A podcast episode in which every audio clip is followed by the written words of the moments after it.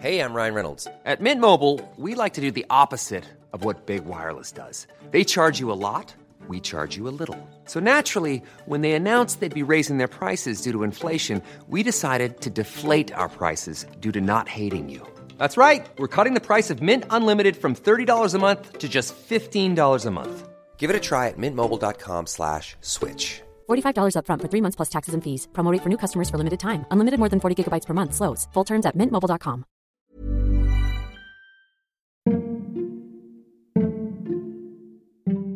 Oke, selamat datang di podcast Bincang Asa dan Rasa. Eh, Teman-teman, di episode kali ini kita kedatangan tamu, tamu spesial. Intinya di segmen kali ini kita akan ngobrol santai aja, nggak kayak biasanya. Kali ini temanya adalah jangan mengejar sia-sia. Oke, kita mulai. Gimana Jeki? apa kenapa kenapa yuk yuk Pernah nggak sih? Pernah nggak kamu dalam hidup kamu, kamu tuh mengejar sesuatu yang pada akhirnya kamu ngerasa kalau selama ini kamu ngejar sesuatu yang sia-sia gitu pernah nggak? ngejar yang sia-sia Eh, lebih ke apa ya? Eh, kebanyakan kebanyakan tuh bukan bukan real hidup sih kayak perjalanan hidupnya aja. Dan apa ya? Eh, lebih ke nyari jati diri terus sia-sia gitu loh ngerti nggak? Contohnya, Contohnya, hmm, aku sendiri berusaha untuk jadi yang diinginin orang lain. Tapi ternyata aku nggak nyaman sama hal itu, ngerti nggak? Tapi aku maksakan banget eh, biar aku bisa diterima di lingkungannya. Tapi ternyata itu eh, tidak segampang itu. Hmm, jadi selama bertahun-tahun itu aku menjadi orang lain yang bukan aku. Dan itu melelahkan sia-sia kayak apa ya buang-buang waktu selama itu ternyata nggak ada untungnya ngerti nggak jadi kita berusaha buat jadi orang lain, cuman biar diterima oleh lingkungan Ah, gitu. Ya. Hal melelahkan apa menurut kamu ketika ada di proses itu? lalu melelahkan apa eh pernah nggak sih ngerasa kayak eh, saat kamu di lingkungan yang seperti itu saat kamu menjadi orang lain kamu harus memakai topeng yang itu bukan kamu. Itu capek banget bener-bener capek. Yang seharusnya dilihat orang tuh kamu tuh harus selalu tersenyum. Kamu tuh harus menjadi orang yang ramah. Kamu tuh harus menjadi orang yang eh, wanita yang apa ya yang enak dilihat orang gitu tapi padahal kamu tuh baik-baik saja dengan diri kamu. Cuman ya karena tuntutan orang lain yang katanya bilang kamu itu kamu itu nggak enak dilihat. Coba kamu lebih senyum sedikit. Coba kamu lebih friendly sedikit. Coba kamu lebih ya semacam itu sih. Itu capek sih. Tapi setelah aku pikir-pikir ya, ternyata kadang pressure-nya itu datang tuh bukan dari orang lain, tapi dari diri kita sendiri. Kayak kita tuh bikin kayak argumen-argumen untuk mendukung pemikiran kita sendiri kalau misalnya apa yang kita lakuin tuh benar padahal sebenarnya enggak gitu. Iya, bener, bener banget.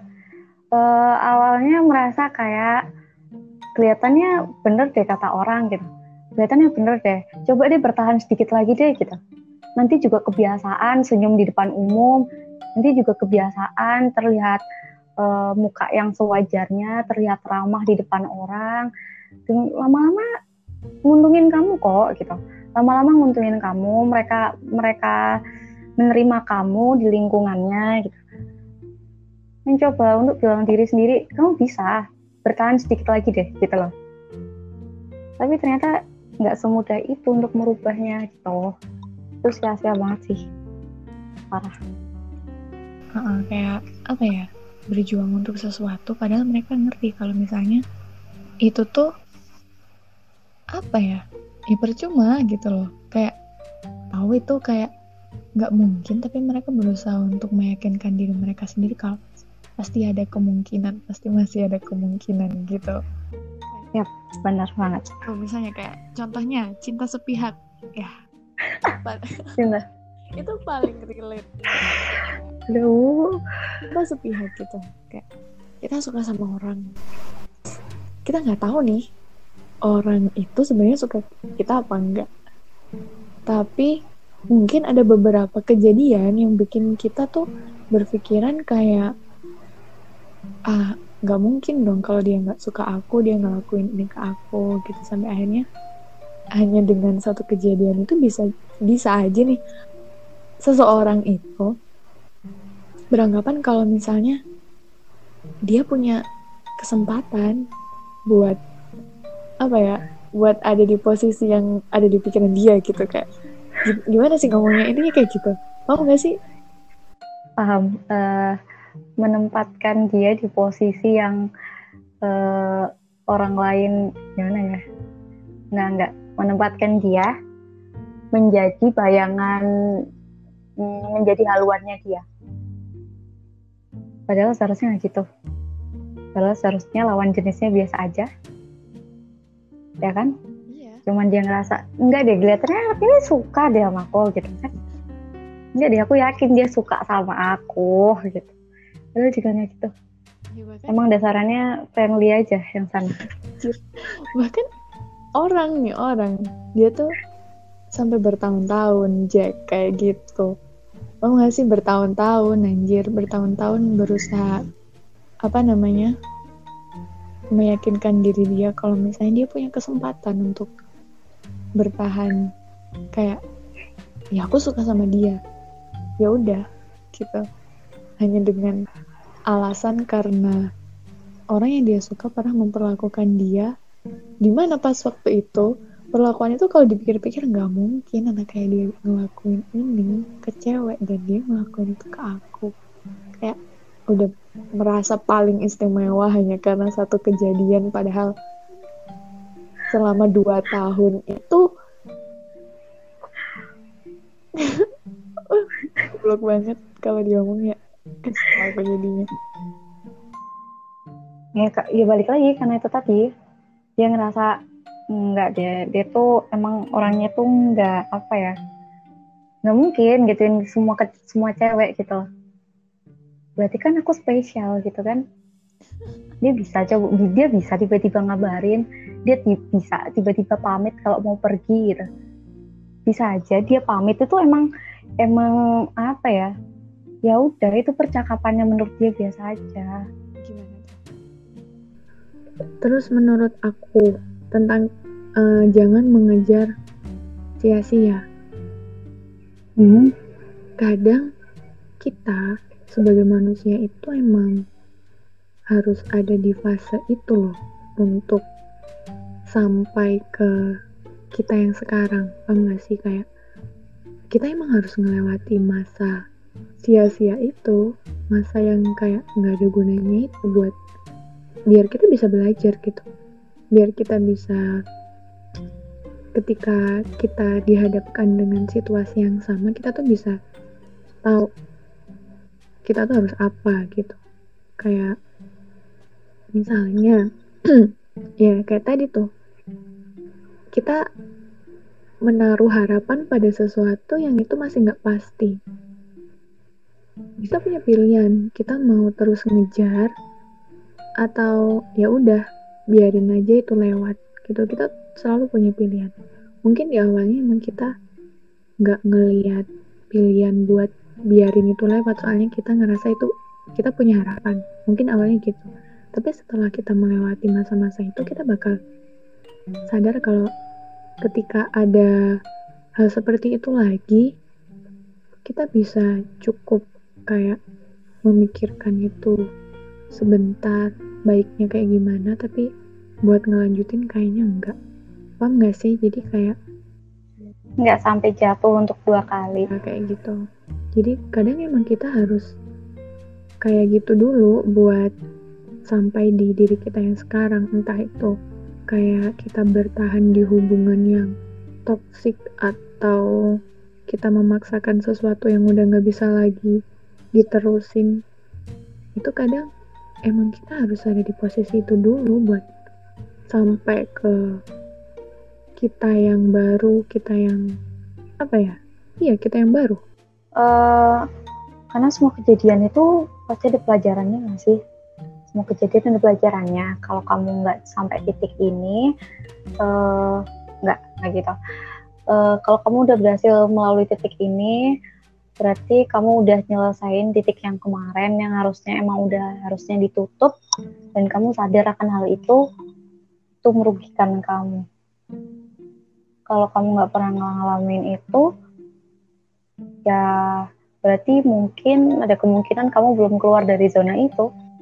Kamu masih di situ. Belum sadar sepenuhnya. Iya sih. Aku sampai speechless. Beneran kayak gimana ya?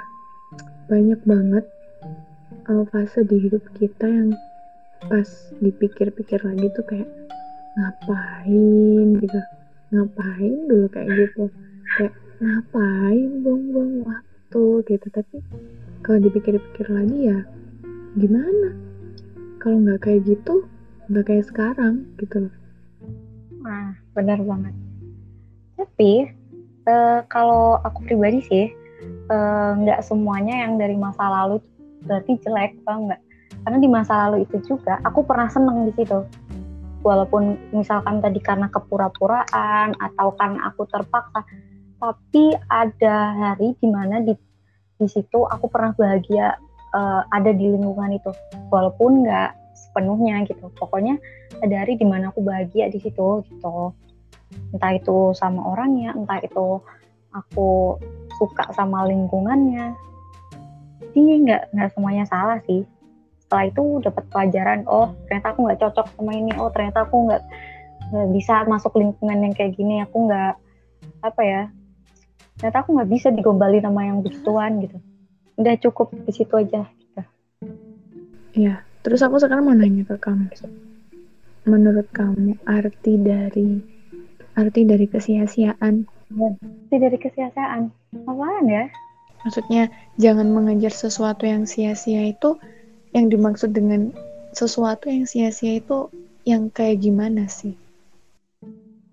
Banyak hal sesuatu yang sia-sia itu uh, pada intinya kalau menurut aku sesuatu yang sia-sia itu sesuatu yang benar-benar merugikan kita secara nggak langsung dalam jangka panjang uh, dari mental, dari apa pun, dari kegiatan itu sia-sia sih. Pokoknya apa pun yang ngerugiin kita itu menurut aku itu sia-sia banget. Terusnya kamu nggak ngelakuin itu, harusnya coba deh uh, kamu punya teman yang lebih baik dari itu. Mungkin sia-sia itu nggak akan selama itu. Mungkin, mungkin kamu lebih sadar dari awal. Kamu nggak akan menunggu selama itu gitu kan.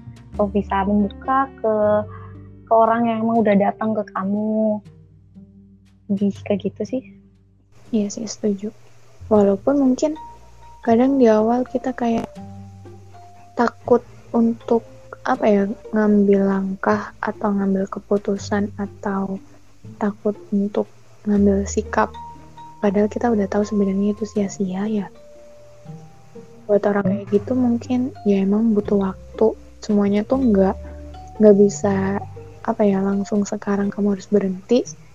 Ya tunggu aja waktunya sampai kamu bener-bener siap buat ngelepasin sesuatu itu soalnya kadang kita emang ngerasa itu sia-sia tapi kita mau lepas dari sesuatu itu susah kayak masih belum siap entah itu belum siap kehilangan hmm. entah itu belum siap dengan kebiasaan baru entah yang lain hmm. gitu ya cukup nikmati aja setiap prosesnya asal ketika kamu tahu itu sia-sia dan gak bakal bawa kamu ke mana-mana bilang ke diri kamu kalau emang kamu harus berhenti gitu.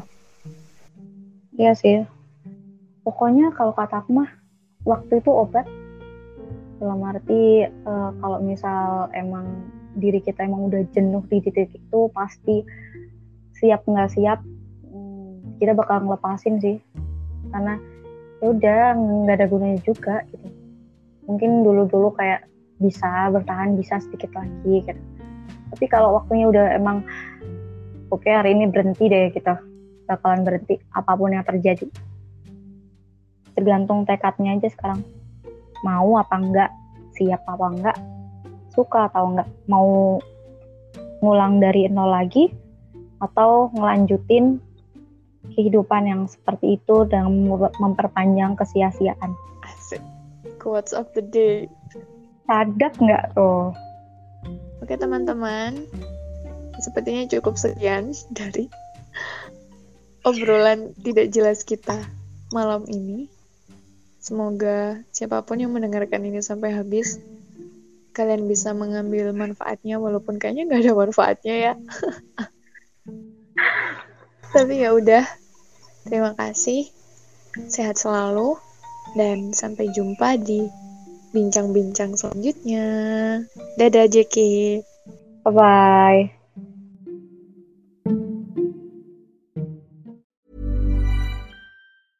Even when we're on a budget, we still deserve nice things. Quince is a place to scoop up stunning high-end goods for 50 to 80% less than similar brands. They have buttery soft cashmere sweaters starting at $50, luxurious Italian leather bags, and so much more. Plus, Quince only works with factories that use safe, ethical, and responsible manufacturing. Get the high-end goods you'll love without the high price tag with Quince. Go to quince.com/style for free shipping and 365-day returns.